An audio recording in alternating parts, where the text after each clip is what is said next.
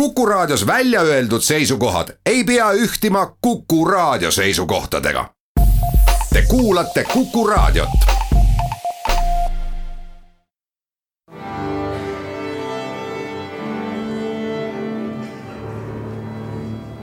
daamid ja härrad, Eesti Kontserdi saade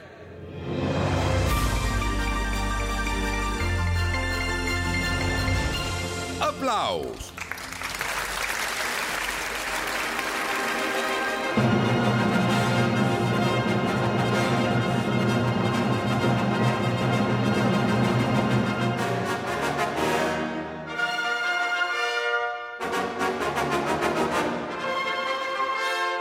Tere kõigile, Eesti Kontserdi kahe tuhande kahekümnenda aasta esimene saade, mina olen Lauri Aav.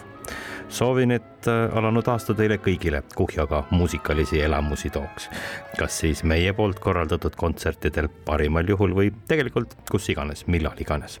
alati on võimalus, et mõni muusikaelamus tabab meid kuskil täiesti ootamatult.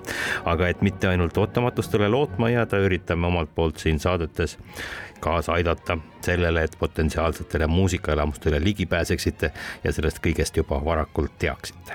ees on ootamas Eesti Kontserdi talvine, kevadine hooaeg ja palju põnevat.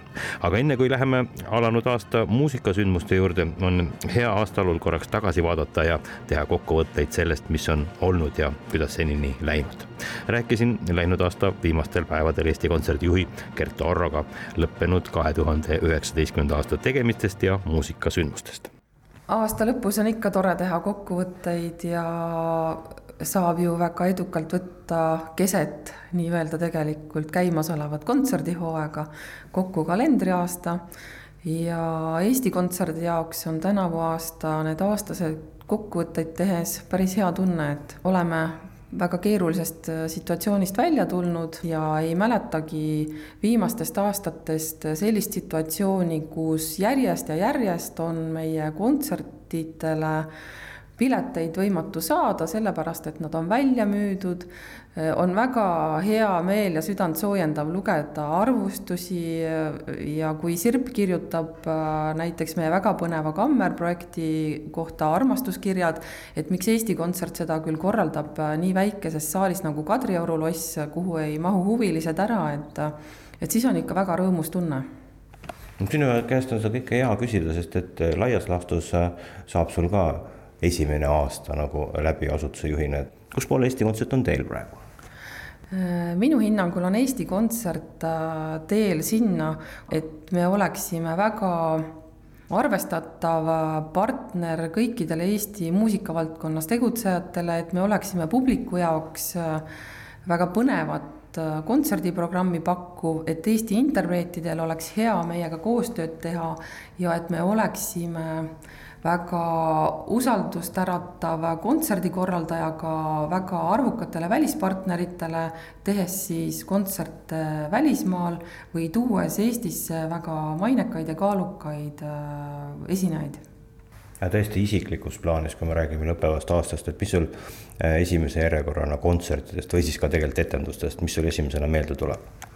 Mulle tuleb esimesena meelde meie hooaja avakontsert, äh, milleks oli Sir Andras Schiff pianisti soolokontsert ja ma mäletan, kuidas meil oli siin natuke kõhklusi ja kahtlusi, et äh, tavaliselt alustame oma kontserdihooaega suure sümfooniaorkestriga, väga väljapaistvate suurteostega, et, et nüüd, mil, mil avasime pianisti soolokontserdiga, olime natuke mures, esiteks, kas publik leiab meid üles ja, ja kuidas äh, me selles õnnestume, aga kukkus välja nii, et, et äh, piletid olid välja müüdud ja publik, kellel oli võimalus sinna pileteid soetada, sai absoluutselt fantastilise kontserdi elamuse osaliseks et ma tean, et äh, Sir Andras Schiffil oli ka Kopenhaagenis kontsert veidi enne, enne Tallinna kontserti ja sinna ei olnud juba pileteid saada seitse kuud enne kontserdi algust väga suurt emotsiooni pakkus kindlasti Moskva Helikon-oopera külalisetendused Saaremaa ooperipäevadel, ühistööna valminud Mr Georg Ots.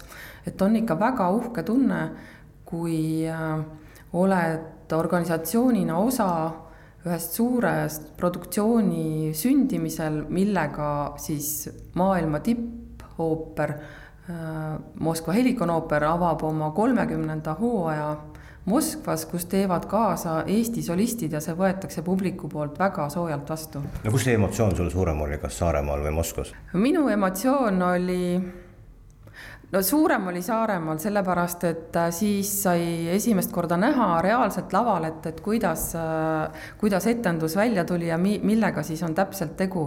Moskvas vaadates oli väga põnev lihtsalt vaadata vene publiku reaktsiooni sellele, mida nad laval nägid. ja vene publik oli pehmelt öeldes väga üllatunud, kui nad tulid vaatama Helikoni ooperi hooaja avaetendust, teades küll, et see on pühendatud äh, suurele Eesti lauljale Georg Otsale, aga kui etendusest seitsekümmend protsenti toimus eesti keeles, mm, siis publik oli veidi üllatunud ja eks neid nii-öelda kulminatsioonihetked Eesti publiku ja Vene publiku jaoks olid erinevates äh, kohtades. kas Georg Otsa saab Tallinnas näha nüüd mõne aja pärast? Me töötame selle nimel, et kahekümne esimesel märtsil Alexela kontserdimajas äh, tuleks ettekandmisele etendus Mr Georg Ots Moskva Helikonooperi äh, tegemisel ja Eesti solistide osalusel, aga ma ei julge seda veel kinnitada ega välja hõigata, me selle nimel töötame, et see saaks toimuma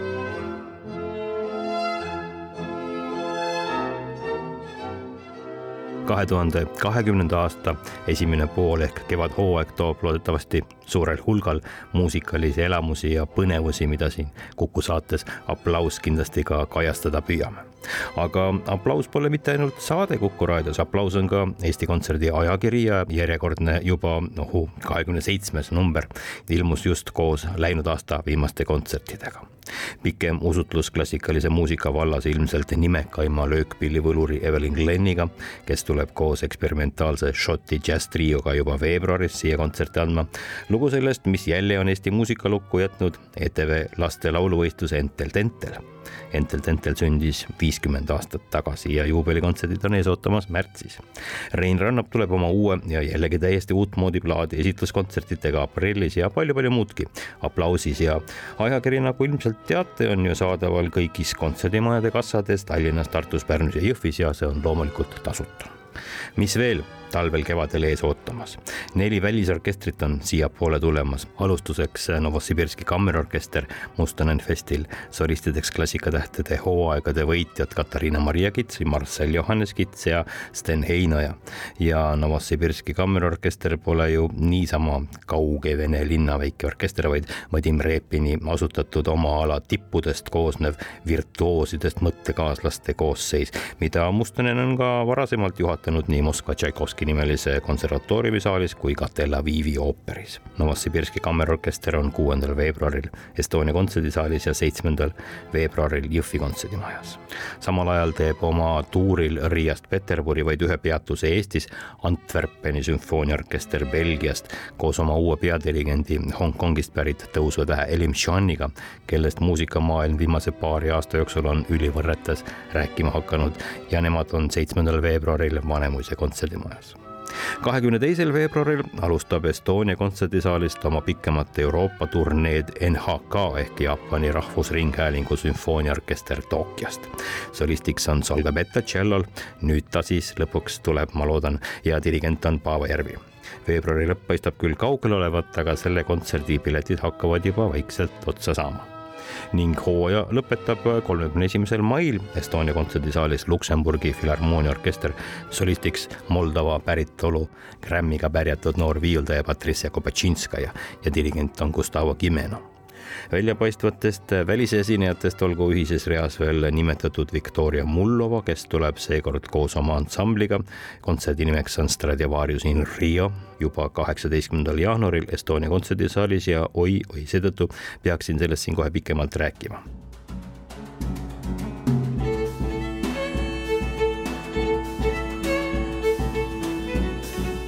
ehk siis täpselt kaks aastat ja kaks päeva pärast seda, kui Viktoria Mullova oli solistiks Estonia kontserdisaalis Eesti festivali orkestri ees.